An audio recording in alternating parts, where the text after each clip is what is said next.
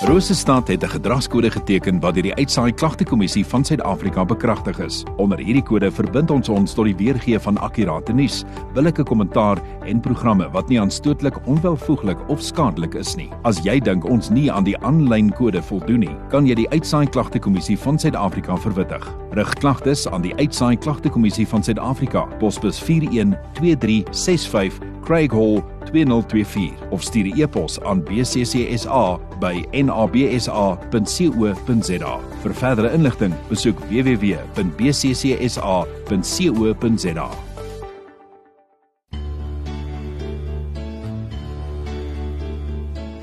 Tyd vir oggendgodsdiens op 100.6 FM. Dis pas ingeskakel. Goeiemôre, welkom en uh, onthou jou oggendgodsdiens word vir jou opgelaai ook as 'n potgooi. Dis beskikbaar op rosestad.co.za vir al die dalk die boodskap deur die week gemis het. En uh, pastoor Jan de Bruin wat so saam met ons gekuier het en uh, wat ook nou in die naweek vir jou die uh, twee eredienste Sondag gaan doen en Saterdag ook dan nou die uh, oggendgodsdiens. Maar ons kom nou eers uit by vandag en uh, onthou ek as jy ooit vir uh, pastoor in die hande wil kry, Angie Siloam is uh, waar jy vir hom sal kry. Pastoor, hoe uh, waarna kyk ons vandag? Ek gaan oor ehm um, my en jou storie aanhou gesels. Ek het gister daarmee begin. Begin vroeër in die week oor Habakuk 1 2 en 3. Ehm um, maar ek praat oor ons ons storie en ek praat uit Hebreërs 12 is as die mense belangstel om daarop te maak.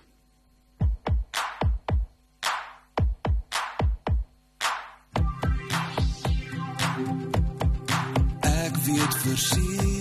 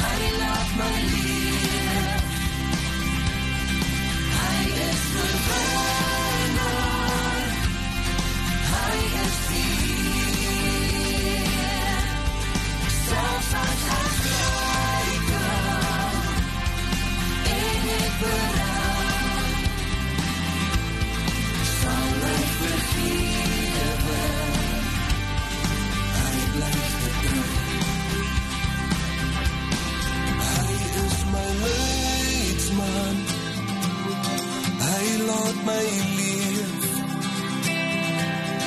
Hy is oorwinnaar. Hy is die Heer. Selfs as ek struikel en ek berou, sal ek vergewe. Hy bly getrou.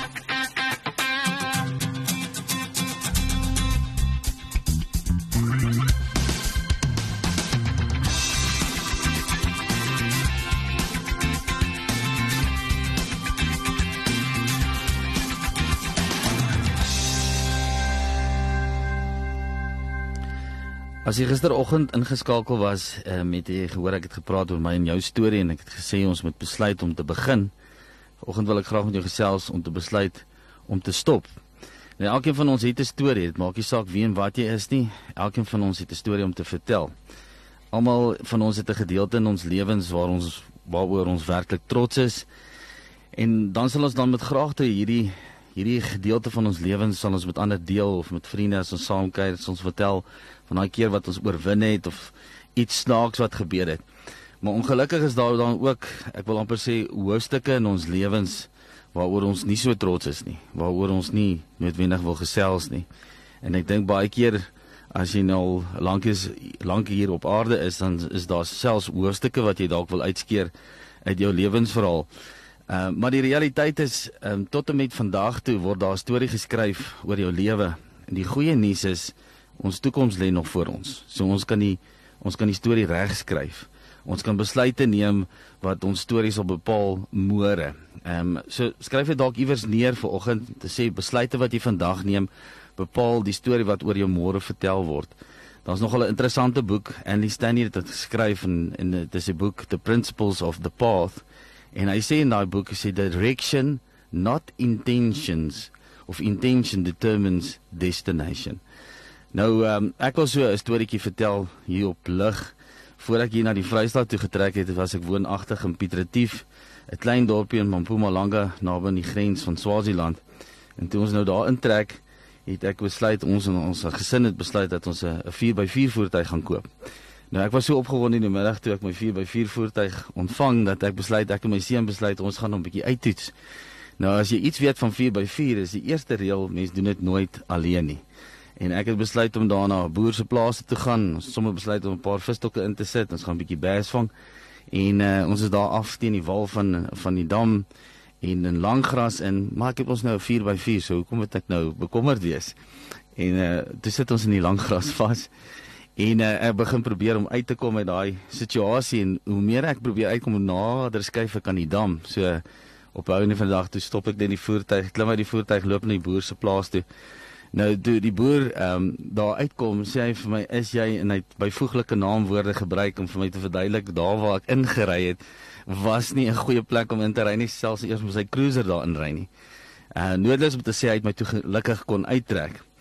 Maar dis deel van my lewensverhaal, deel van my storie. So die vraag is, waarheen is jou lewe op pad? Is jou lewe die moeite werd om oorvertel te word? Jy sal onthou ek het gepraat oor Hebreërs 12 vers 2 ons oog gefestig op Jesus, die volëindiger van ons geloof. So as ek die vraag moet vra, wie is Jesus? Jesus is die outeur van ons lewensverhaal. So sal dit nie great wees as ek en jy toelaat dat hy ons lewensverhaal skryf en en en is dit nie die moeite werd om oor te gee sodat hy kan begin skryf aan dit wat volgende gaan gebeur nie. Ehm um, en vandag soos ek gesê het, gaan dit daaroor om te stop. Te stop jouself of ehm, 'n um, lysie op te stel en sê daar's sekere goeders wat ek mee moet stop in my lewe lewe sodat ek vorentoe kan gaan en my lewensverhaal anders te kan lyk. So keer loop ons net te vinnig van 'n vriendskap weg. Keer loop ons te vinnig van 'n kerk weg. Keer loop ons te vinnig van 'n verhouding met die Here weg. Ehm um, keer is dit moeilik, gaan dit moeilik en dan voel ons die Here is nie daar vir ons nie. Ek glo ook ver oggend is daar 'n klomp enkel lopende ouers wat ingeskakel is en en jy voel ook net alles is net te veel. Jy jou werk is te veel om rond te ry, oral uit te kom, jou buitemuurse aktiwiteite. Dis asof die lewe net vir jou te swaar is. Nou Moses was ook in daai selfde bootjie. En um, baie probleme gehad met mense wat die hele dag van die oggend tot die aand by hom kom sit het en met hom daaroor kom praat het. En op 'n stadium kom sy skoonpa na hom toe en hy sê vir "Moses, jy kan nie so aanhou nie." En ek wil dit vir julle lees in Eksodus 18 vers 17. Hy sê: "Maar Moses se skoonvader sê vir hom: "Die ding wat jy doen is nie goed nie." So as jy nou daar by iemand sit of as jy daar by die werk is of jy's in die kar en iemand ry saam met jou, draai net die persoon langs jou en sê vir hom: "Die ding wat jy doen is nie goed nie." Dis dieselfde wat Moses se skoonpa vir hom gesê het. En toe kom hy in vers 18 hy sê: "Jy sal heeltemal uitgeput raak." jy sowel as hierdie volk wat by jou is. Want die saak is te swaar vir jou. Jy kan dit nie alleen doen nie. Luister nou nou nou na my. Ek sal jou raad gee en God sal met jou wees. Wat jou betref, wees jy 'n verteenwoordiger van die volk by God en bring jy die sake voor God.